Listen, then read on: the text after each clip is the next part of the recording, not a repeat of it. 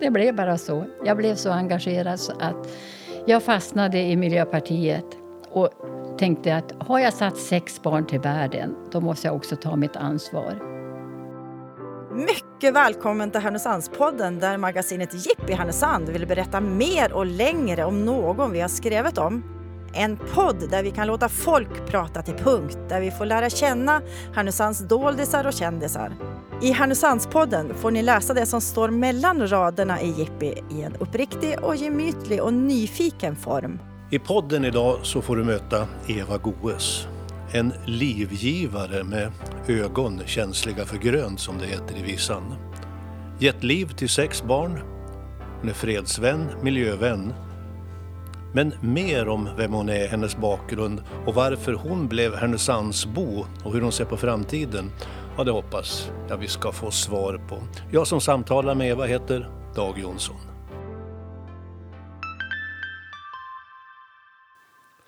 Eva, berätta om utsikten där vi sitter i din nya läshörna. Ja, den är ju helt underbar. Jag tittar ut över Södra sundet med träd som eh, dignar av nyfallen snö, sån här julesnö. Och på morgonen så var det massor med fåglar som var åt av rönnbären. Och, ja, det är en fridfull miljö. Vi har som tre olika nivåer. Så att den översta där är det lä och nästa kan man spela fotboll på den sista kan man bada, där är en liten strand. Och det här kom vi till 81 och hittade ett gammalt, gammalt hus. Men jag sa det, ska vi flytta någonstans, då ska vi flytta hit. För tomten var så helt underbar. Och nu sitter vi i ett nytt hus här. Du sa att du har sett fåglar här på morgonen. Mm. Kan du skilja på fåglar och fåglar så du ser vad det är för någonting? Det var ju inte sidensvansar, vilket jag trodde det skulle vara. Jag vet att det finns eh, några tallbitar, här finns det ju, och det fin men jag tror också björktrastar.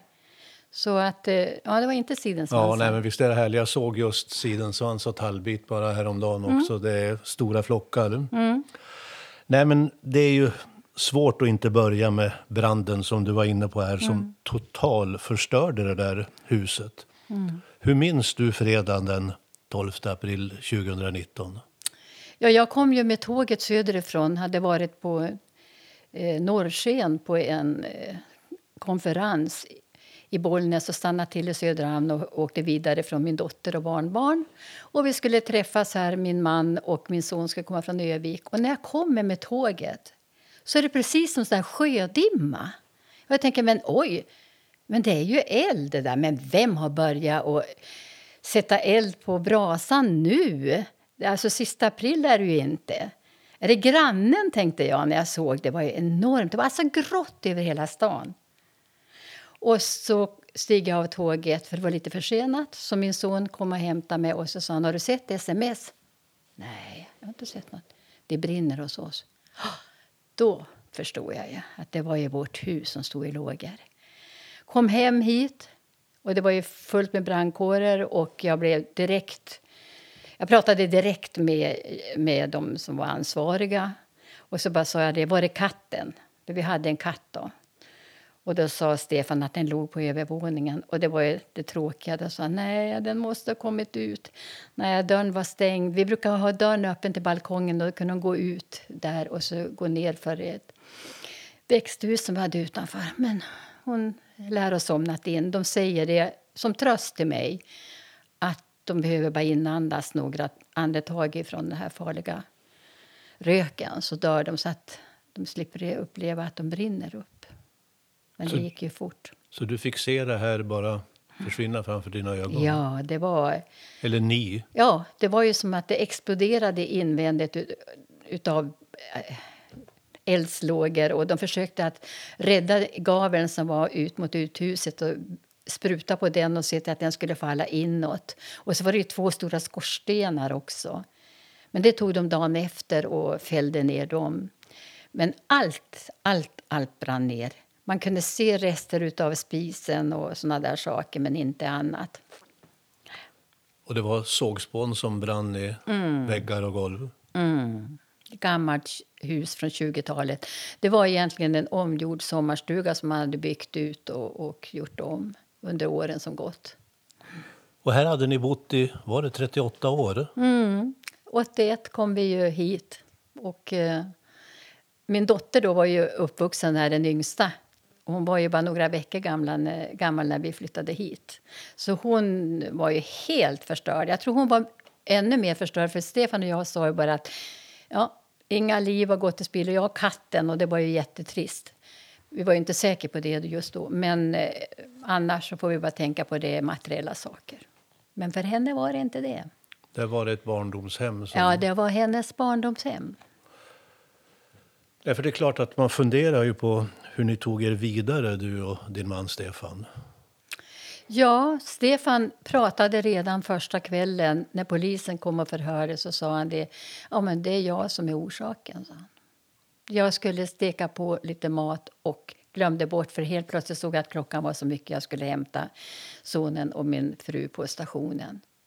Så han erkände ju att det var ju det som hade hänt. Det var glömskan som slog in. Och det är ju alltid det. När, oftast är det ju att någon har glömt ett ljus eller någon har stått och stekt någonting på spisen eller glömt någonting på spisen. Det är ju det som är det vanliga.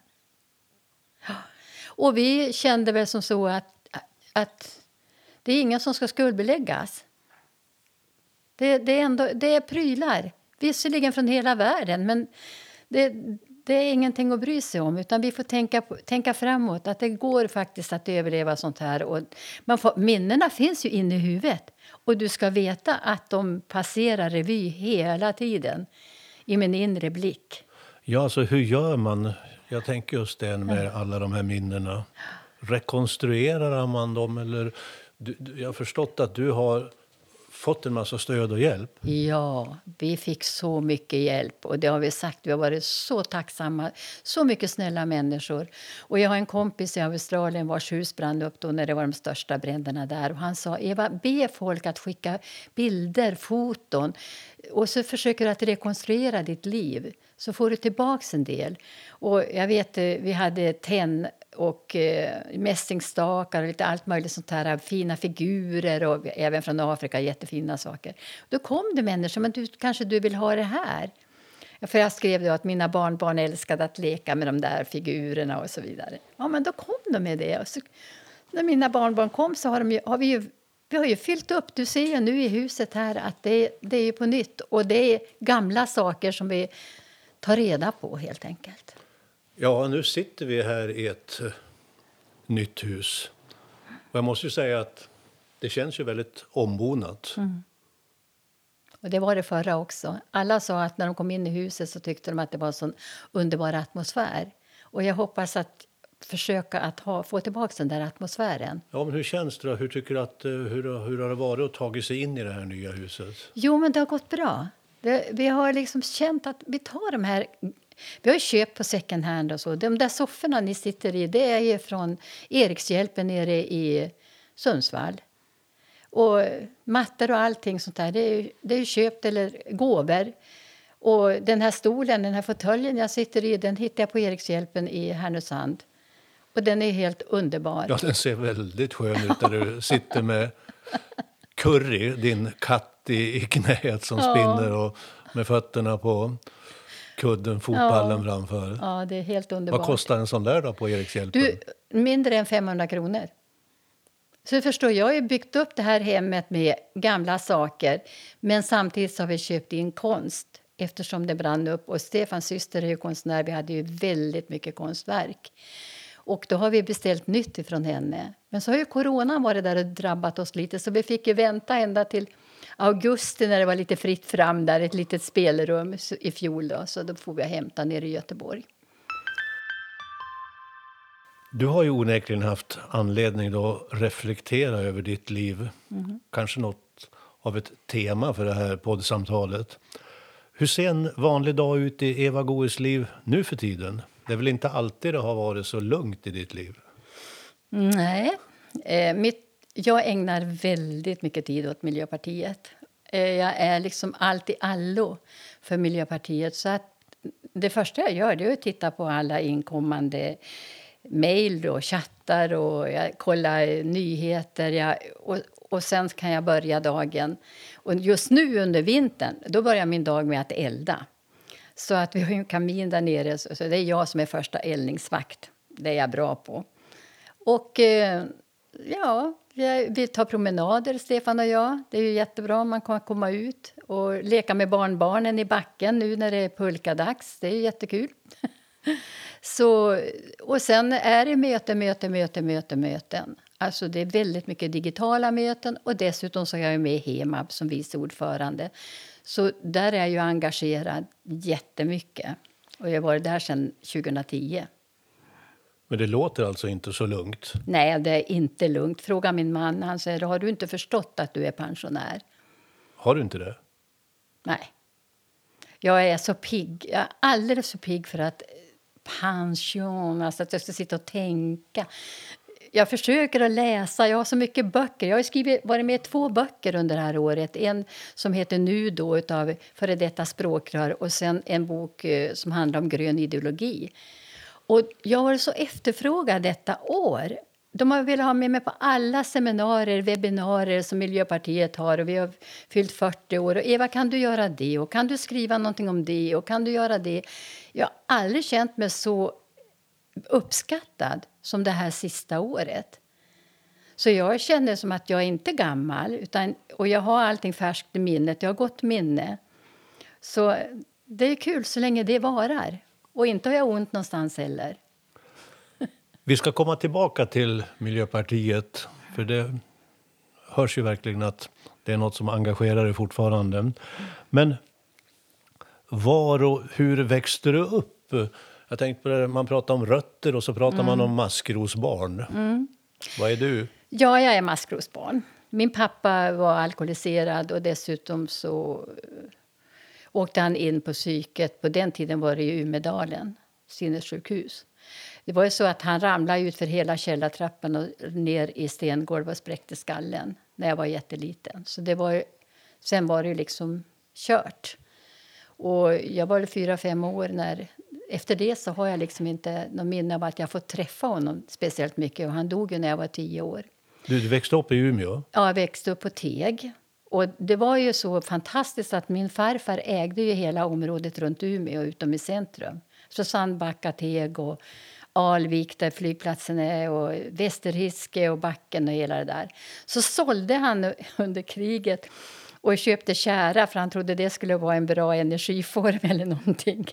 Så han gjorde bort sig totalt. Men vi fick i alla fall en tomt innan så att 1944 så stod vårt hus färdigt på Teg och det var ju lycka.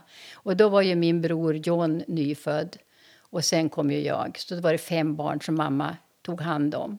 En fantastisk mamma som blev änka tidigt och som har verkligen uppfostrat oss till de vi är. Vi är väldigt starka alla fem barn. Och John som du säger, det är mm. din ishockeytränande mm. bror? Mm. John Slättvold, han har tagit mammas flicknamn. För mamma är ju från Norge. Så det har ju varit vår tillflykt under de här åren när det var som jobbigast. Då såg hon till att vi åkte dit varje semester, varje sommar. Från det jag var tre år så har jag varit i Norge då. Och mormor tog hand om oss och mostrarna tog hand om oss. Så mina kusiner blev ju som syskon där. Och bo där på en liten lantgård där mormor eh, skötte allting tidigare men nu tog ju moster och en morbror över. Det var den bästa uppväxt man kunde få. Och du vet ju hur viktigt det är med sommarlov. Man växer otroligt, både som människa, psykiskt och fysiskt.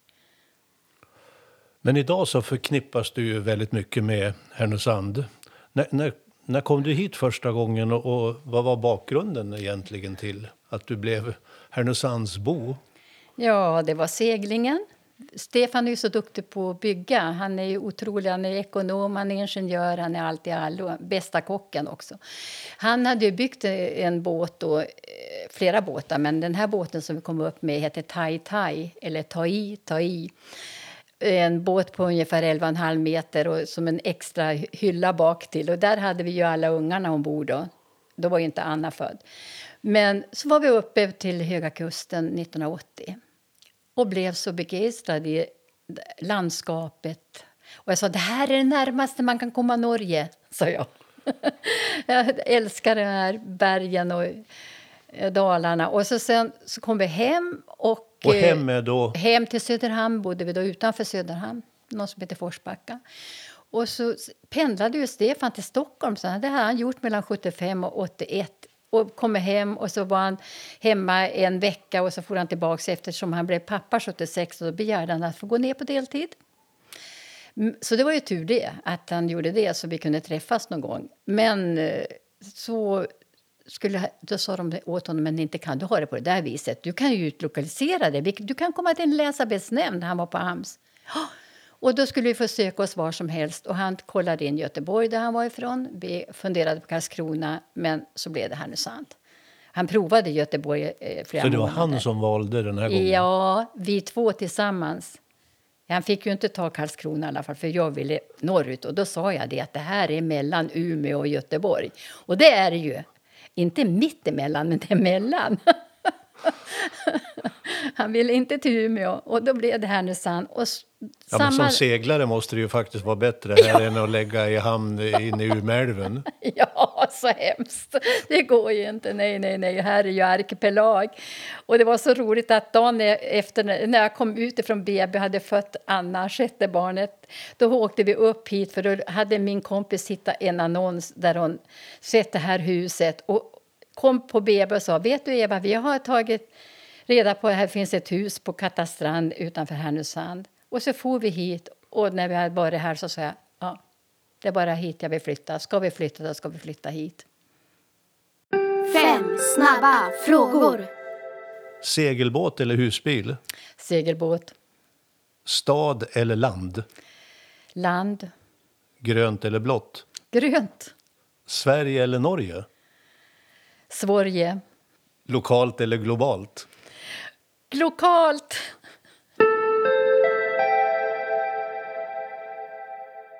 Men du var ju ung på 60-talet, precis som jag. Vad fanns eh, ditt engagemang och dina drömmar då?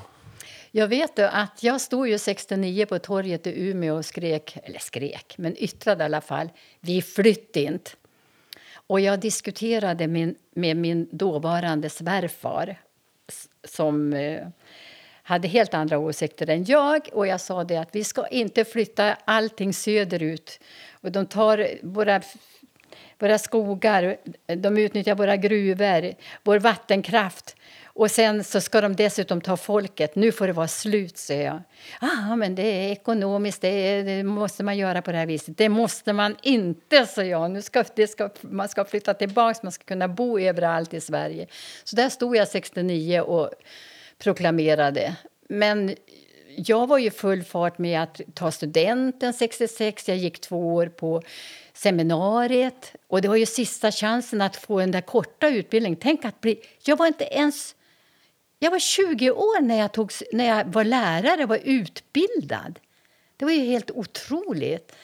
Och jag sjöng också. Jag sjöng ju jättemycket. Jag vet, andra året på gymnasiet då, då sjöng jag i ett trio med Öberg, han som spelar eh, trummor fortfarande. Så jag var, då var jag vokalist. och jag hade och alltid sjungit, de säger det, sen jag var två, tre år så satt jag och sjöng. Så jag var väldigt engagerad i sång och musikliv och kör. Och Rego Wiklund tog in mig i kyrkokören och jag var med. Jag sjöng en sång när vi invigde Tegs kyrka och sådär. Så det var ju mitt liv. Att göra klart skolan och sjunga och få barn. Jag älskade ju barn. Jag hade ju börjat gå ut med barn när jag var sju, åtta år. Och kan jag få gå ut och, gå med dit? Kan jag få gå ut och dra barnvagnen? Jag var så himla förtjust i barn. Och jag var så sur att jag var yngst. Så eh, jag var ju med barn när jag slutade. Så jag födde ju barn direkt efter jag hade eh, gått ut seminariet. Ja, jag tänkte ju säga det att du, du blev, en, du har ju varit inne på det, du blev en ung mamma. Ja. Men med plats för, kan man väl säga, både familj och, och, och världen. Mm. Hur kom det sig att det blev politik? Ja, det var ju när vi kom hit. När vi kom till Härnösand då var det ju precis att eh, det hade bildats partiet Miljöpartiet 81. Och jag hade ju varit ute och släpat med ungar och knackat dörr 80 under kärnkraftsomröstningen där och sagt att det, det här med utsläppet från kärnkraftverk det motsvarar inte att röka ett paket cigaretter och så vidare, eller som de sa. Vet du, det var ju så vulgärt, allt det här. Utan jag försökte få folk att begripa att de skulle rösta nej till kärnkraft. Och när det blev så dåligt resultat att det var bara, bara några tusendelar ifrån att det skulle bli det så var jag oerhört besviken. Och jag skulle ju aldrig hålla på med politik, ska du veta. Jag hade Erik Orring i min klass och han var, hans föräldrar var ju liberaler, folkpartister. Och jag tänkte, nej, aldrig politik. Men då kände jag 81, när jag kom till Härnösand skulle etablera mig, få in barnen i verksamhet. Jag satte pojkarna i gosskören domkyrkan. Och sen var det en liten röd annons i tidningen där det stod välkommen till vad heter det, hörnsalen eller så där, på, på teatern. Och då var det Miljöpartiet som kallade. Och vi gick dit, Stefan och jag med Anna. Och kommer dragande med vagn. Och så sen var dörren låst, så vi började gå hemåt. Men Inga Tegström såg oss genom fönstret så de sprang efter oss och hämtade oss. Och jag brukar säga, och sen har jag blivit kvar. Det blev bara så. Jag blev så engagerad så att jag fastnade i Miljöpartiet och tänkte att har jag satt sex barn till världen då måste jag också ta mitt ansvar. Vad ska de ha för framtid? Jag måste tänka längre än näsan räcker. Och Miljöpartiet, där hittade jag alla mina värderingar stämde överens.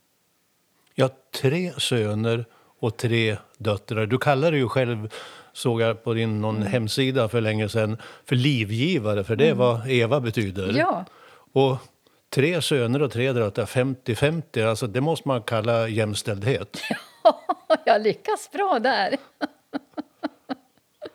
ja, det, ora. Nej, men det är fantastiskt. Och jag måste säga att min son Jens, då, som är andra sonen, då, han är väldigt medveten. Otroligt medveten när det gäller jämställdhet.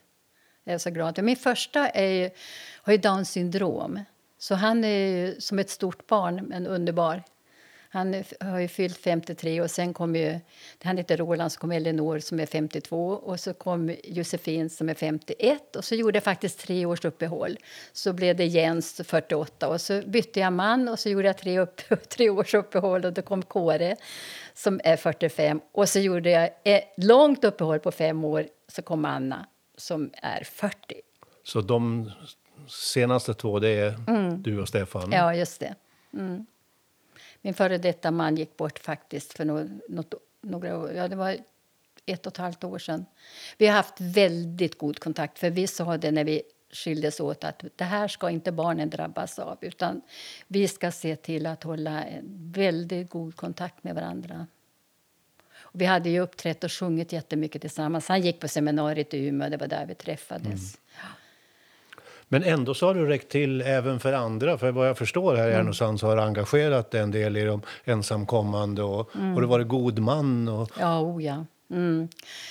Men ja. Med, sex unga, det låter så, och så politiken, det låter som en del skulle tycka att det, det räcker nu. Nej, det finns alltid att göra. Och det ger så mycket att, att kunna hjälpa det ger ju tillbaka. Annars det, det är därför man gör det. Och jag har hjälpt folk som, var, som har varit utvisningshotade, familjer och Shahida som låg i koma. Och den familjen bor nere i Sundsvall och de kallar mig för, en del kallar mig för mamma och någon mormor och någon syster. Toran kallar mig för syster. Men det, och likadant från Bosnien-Hercegovina. Det var också en familj som var här. Men sen även en kvinna som nyligen skickade ett paket. Vi visste inte vad det var. Var, var kommer det här paketet ifrån? Så hittade jag lite telefonnummer. Det visade sig att det var den kvinna som jag hjälpt för kanske tio år sedan. Och en man också med familj här som var skräddare och jobbade på Rutiga duken. Och som, jag gjorde så att jag skickade in alla papper till Stockholm och sen åkte de över till Trondheim, till konsulatet. Och så sen så hade vi kontakt med varandra från Stockholm till eh, Trondheim till mig så att allt, man visste att allting flöt. Och så sen sökte de asyl där, några stycken av de här. Så att, och sen hade jag ju då Pablo som var här som tyvärr dog. De hittade honom uppfluten i Ångermanälven och vi vet ännu idag inte vad som har hänt honom. Det är fruktansvärt. Han kom hit och det var hans morbror som tog hit honom. Och han hade skolios och skulle operera sig och få hjälp. Och, Men de var på väg att skicka ut honom och då lyckades jag inhibera det hela. Och Det var ju en klämdag i samband med Kristi himmelsfärdsdag. Så ringde pojkar till mig, Johan och Jonathan och Joakim och frågade Eva kan du hjälpa oss. Och klockan var ju runt kvart i fyra. Eller något sånt där. Och så jag, vad gäller det? Ja, det och det och det. Ja, okej, okay, så jag kan ta kontakt med UD och fråga om man inte kan inhibera för han skulle skickas på lördagen då. Vart skulle han då? Till Bolivia. Och då fick jag kontakt med dem och så sa jag det och det och det gäller. Kan man göra så och så då? Nej. Och sen på fredagen då hade vi kongress nere i Gävle och jag vet jag satt utanför kongressalen med telefon hela tiden och folk sa du ska inte hålla på med telefonen, det är farligt. Och jag visste ju vad det handlade om. Jag, jag fick ju kontakt med en kvinna på, i Norrköping på Migrationsverket som jobbade övertid faktiskt. Till efter klockan ett. Då ringde hon och sa vi har stoppat det hela. Så jag kan ju bara säga att det var fantastiskt att de gjorde det då för att han hade rätt att få stanna. Men, och så gick han i skola här i flera år och de här pojkarna var ju honom, stod ju honom nära och familjerna runt omkring också hjälpte. Det var någon som sa att vi har något rum man kan bo i och så vidare, en liten lägenhet. Och, och jag blev ju god man. Och han fick en jättefin liten etta och jag skötte, jag väckte honom varenda morgon. Du vet hur det är med tonåringar. Och, och så vidare. Och så helt plötsligt en dag så ska jag dit och hämta honom och dörren stod på glänt, men ingen Pablo. Och även soporna stod innanför dörren. En måndag morgon. Spårlöst Och det är ingen som vet? Nej. De hittade honom i Nyland och vad jag tror det är att han har blivit dumpad från bron ovanför och så flyter ner. Men vad har hänt? Han åkte aldrig åt det hållet. Om man åkte någonstans, det var det till kompisar i Sundsvall som hade gått i skolan här uppe. Ja, du har inte varit rädd för trauman och du har fått ta det vidare också. Ja. När du valdes som Miljöpartiets andra kvinnliga språkrör 1986 ledde partiet faktiskt in i riksdagen första gången 88. Mm. Hur kändes det? Ja, det var ju otroligt mycket jobb. Alltså, att det var folk som ville göra ner en totalt. Alltså. De hade klistrat upp eh, affischer, hela, smetat upp hela stan Härnösand med en gås. Där jag då var gåsen, naturligtvis Goes.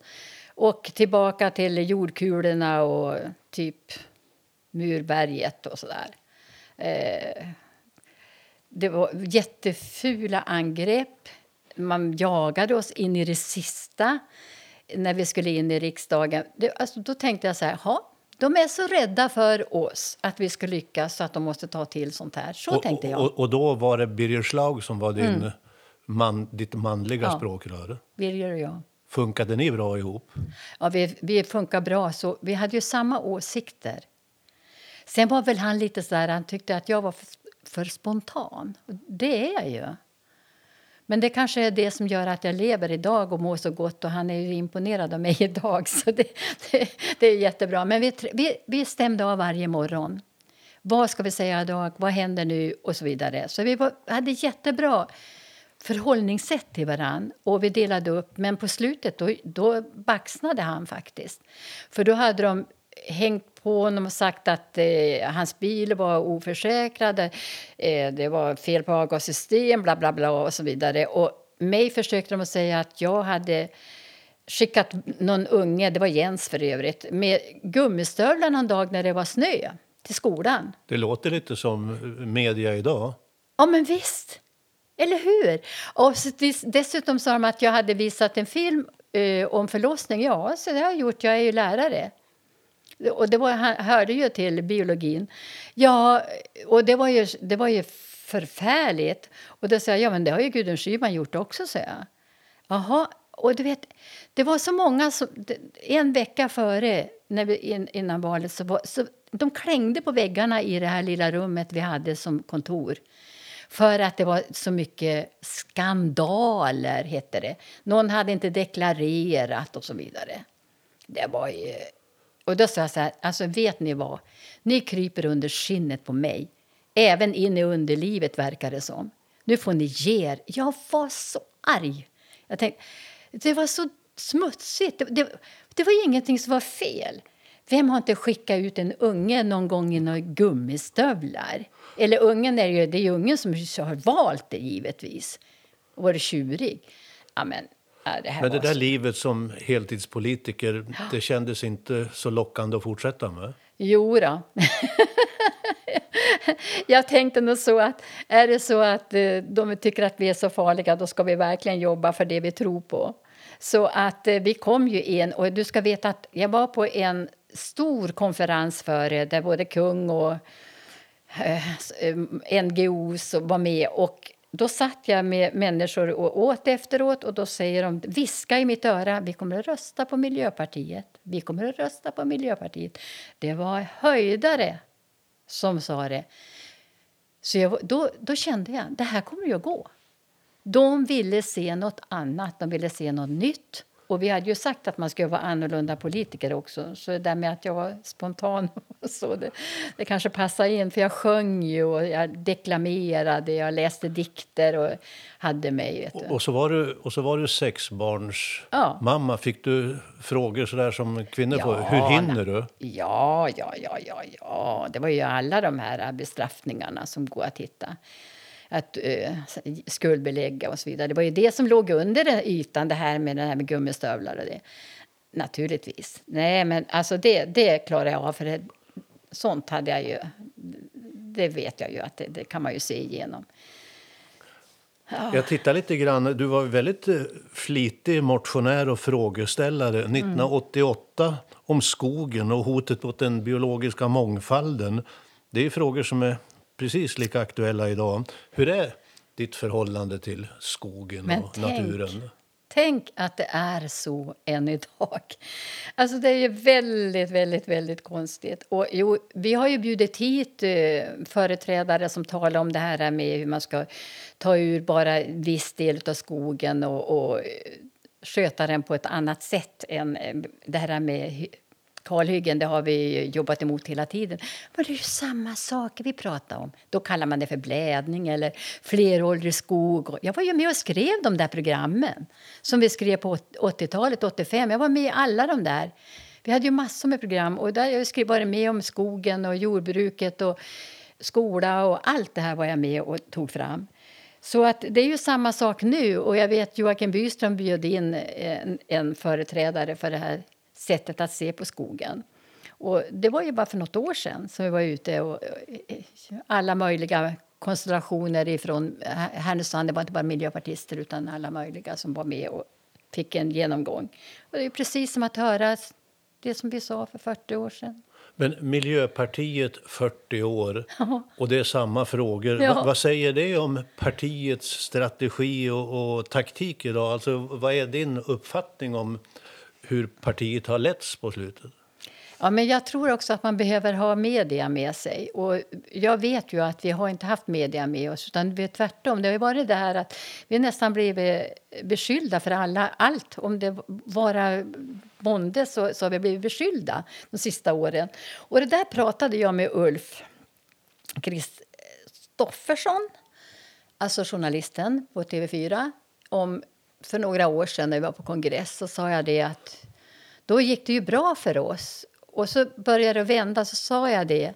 Ja, men du vet, nu har, vi, du, nu har ju media eh, varit jobbiga mot Centern. Nu är det er tur, sa han då. Och banne mig, det, var, det, var, det blev så. Att vi efter 2000, ja, 15 eller något sånt där, så började det gå neråt. 2014 var det ju starkt. 2010 var inte heller så tokigt. Och det betyder ju också att vi, vi har inte haft en chans att bryta igenom i och med att vi har suttit i regeringen och regeringen oftast förknippas med Socialdemokraterna. Det, det är ju inte Miljöpartiet. Det glömmer man bort. Så det kan jag ju säga är att jag varit jättebesviken att man inte har kunnat gå ut och säga Miljöpartiet tycker det här. Utan det, då heter det bara regeringen och regeringen och regeringen och då får vi ingen kredit. Vad vi än har gjort. Jag menar, vi har ju kämpat för det här med industrin och införande av vätgas och allt det här. Det är ju vi som har jobbat med det. Tror du att ni kommer att ha samma språkrör, samma nu. uppsättning nu när ni går in i valet? Ja, ja, vi har ju inte lagt in någon extra kongress eller någonting, vet du. Det är så att valet är ju september och vi har ju ingen extra kongress som är inlagd, som vi vet nu. Så jag vet inte. Så ser det ut. Men, men vi har ju många bra företrädare. Jag skulle önska att de... Ja. Till exempel Rebecca Lemoine. Hon är fantastisk när det gäller skogen. Eller Annika Hirvonen. Hon är helt otrolig på att framföra sitt budskap när det gäller mänskliga rättigheter och miljö och skola. Hon är verkligen duktig. Så att om vi kan få dem på banan, att de syns. Och så har vi Eva Goes. Det är inte dags för comeback. Nej, det har jag inte tänkt. Jag tänkte att Amanda får ta över den rollen. Amanda Lind. Fem snabba frågor. Vegan eller vegetarian? Vegetarian. Tv eller böcker? Böcker. Språkrör eller partiledare? Språkrör. Pensionär eller visionär? Visionär. Uppkopplad eller avkopplad? Uppkopplad. Du har ju varit en aktiv kärnkraftsmotståndare. Kärnkraften lyfts ju fram igen av fler förespråkare som en ren energikälla, åtminstone en energikälla som behövs för att rädda klimatet. Kan du bli omvänd? Aldrig. Det är helt omöjligt. Du vet ju att jag köpte ju sån här Folkets mätare 1986 efter Tjernobyl. Jag var ute och mätte morgon, middag, kväll. Jag jobbade som lärare och jag tog alla pauser och var ute. Och så tog jag alltid med mig en kar, för du vet karar de kan ju där med tekniken att trycka på en knapp och läsa till. Nu, är jag, nu överdriver jag, men jag, alltså, jag gjorde det för att alla skulle se att den här apparaten som man använder även på Forsmark, den duger även för oss här uppe. Så jag får ju runt i dalgångarna bland bönder och de som hade små barn och prioriterade dem. Och då kunde man ju se hur mycket som hade fallit ner efter Tjernobyl. Det, det smattrade i geigermätaren. Ja, det enda man kunde göra det var ju att sätta på ljudet. Va? Annars så visste du inte. Och ljudet det skrek vid tusen mikroröntgen per timme. Och det var det här. Vid stuprör och där det var mossigt och så. Så var det ju det. Ja, det var mellan Gävle och Umeå. Ja, och det var ju Gävle och Härnösand som hade fått mest regn. Va? Det var ju därför det var så högt. Men man pratade ju om eh, Feldin och eh, att han hade ju mätt vid någon stuprör. Och så sen pratade man om djuren. Kossorna nere i Skåne fick inte släppas ut. Och då sa jag det att vi är sämre behandlade än kreaturen i Skåne. Det var min slutsats. För man sa ju ingenting här uppe vad, vad, hur vi skulle hantera det hela. Men jag hade ju varit på en konferens med världens duktigaste på, på eh, kärnkraftsområdet. Och de hade ju då berättat om vad som hade hänt i Windscale och så vidare på olika ställen. Och vad vi skulle se upp med och det var ju joden de första veckorna och strontium och cesium och hur man skulle kunna motverka med kalium och kalcium. Hur man skulle kunna göra det och det och att man inte skulle sätta barnen i sandlådor för att kunna få hotspots om de satt och lekte med sanden och så vidare. Och så sa jag det i kommunfullmäktige. Då blev jag bara... De bara tittade på mig liksom som jag var en narr, en stor narr. Det var ingen som trodde mig. Tre veckor efter Tjernobyl då gick Länsstyrelsen ut och sa de här sakerna. Att nu måste vi se upp, vi ska inte kratta grä i, i trädgården, vi ska inte göra det, vi ska inte sätta barnen i sandlådor, bla bla bla. Då kom de. Så dig omvänder de inte? Nej, för det kan hända en olycka när som helst. Och dessutom, de, vi ska inte ha kärnkraft, små kärnkraftsreaktorer i varje hörn. Men det är ju samma frågor som för 40 år sedan här ja. också. Hur ser energilösningen ut i din värld? Då? Ja, all, alla möjliga förnybara källor, alltså kombination. Det är ju system, alltså, det har jag ju sagt hela tiden. Man måste ha ett system som håller på vinter och sommar. Och då är det ju naturligtvis, vattenkraften är ju oerhört den grundläggande. Det är ju den som är vår reglerkraft. Men sen är det ju eh, vind och sol och, och man kunde komma mer på vågkraften också. Alltså alla de här som man kan hitta. Och andra ställen i världen så har man ju geotermiskt också. Alltså, jag har ju varit ute i världen och pratat om att det är bättre att decentralisera energiproduktionen så att ni har det nära, så ni har kontrollen över den så att ja, man ja, du har jobbat i. Green Forum med, Ja. med grönt bistånd. Ja, och då har jag varit till exempel i Bolivia, i Guatemala. Och då har jag sagt att det är mycket bättre att ni bygger upp era... Man kan inte vänta på att de ska bygga något centralt kraftnät över hela era länder utan se till att göra det lokalt. Och flera av de här har ju också eh, geotermiskt och så vidare. Så att eh, det är det som är viktigt, att man, att man bygger utifrån förutsättningarna. Och jag vet när jag var i näringsutskottet, då kom de från Vietnam. Och så sa de, ja men ska vi välja kol eller kärnkraft? Så, sol. Den är rakt ovanför huvudet på er. Och du, det här kan man väl ändå säga att du också agerar lokalt. Du är vice ordförande i Hemab. Mm. Hur beskriver du Hemab som energiföretag? Ja, det är ju jättebra. De, hela tiden ligger de före på, ut, på utvecklingsavdelningen också.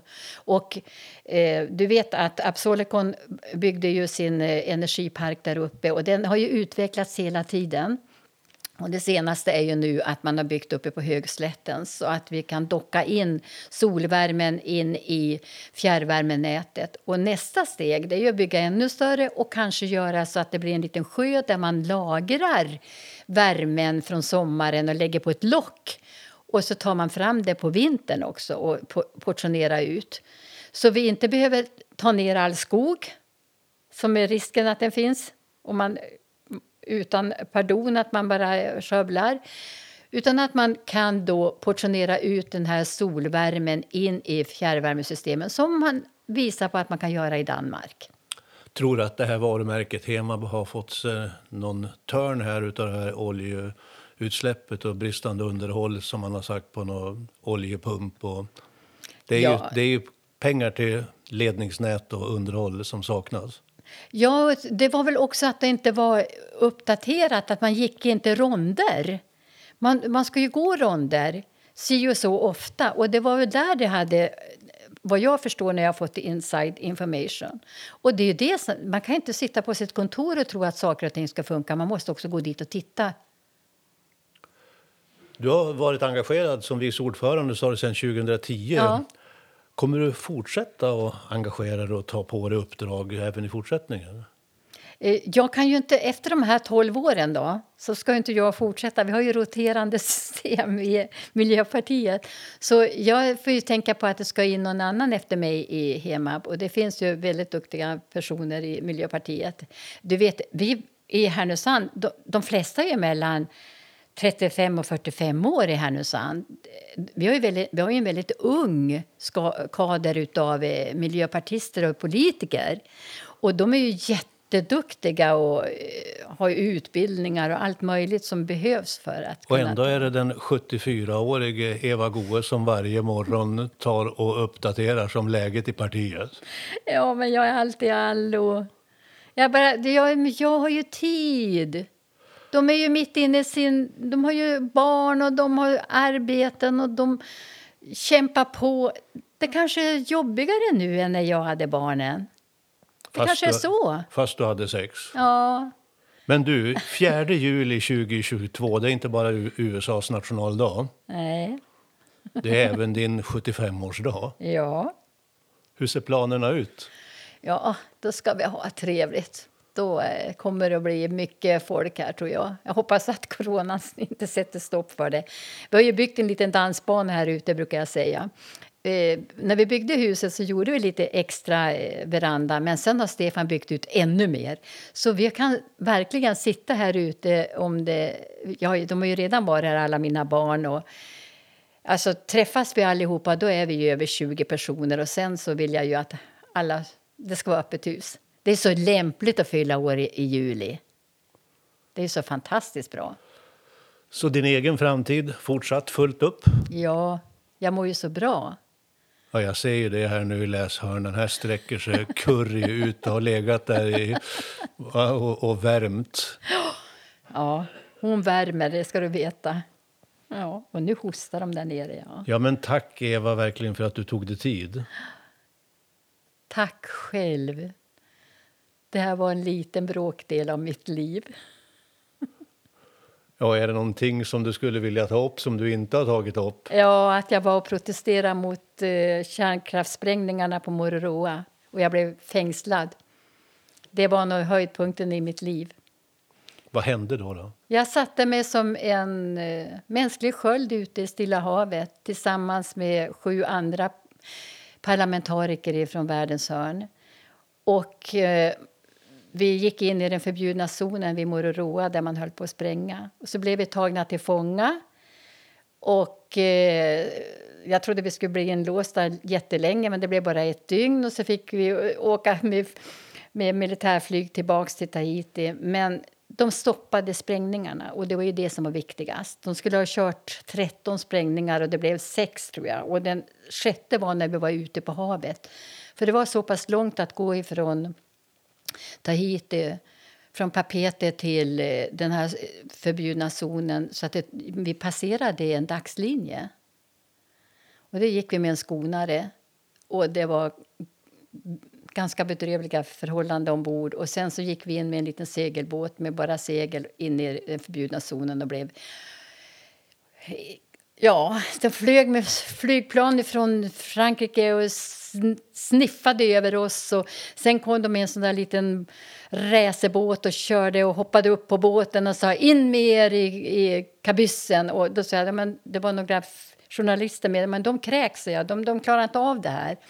Så de vi blev inkörda i kabyssen. Men så öppnade jag förluckan och så stack upp huvudet och så pratade jag med killarna. För det var ju unga killar från Frankrike som gjorde militärtjänstgöring. Så titta här, ser jag. Vi är här bara för att stoppa det och det. Och här har du... Då visade jag på en hel massa såna här märken och så. Då säger de, kan vi få det? Så jag gav dem märkena så man kunde sätta på sig om att stoppa bombningarna.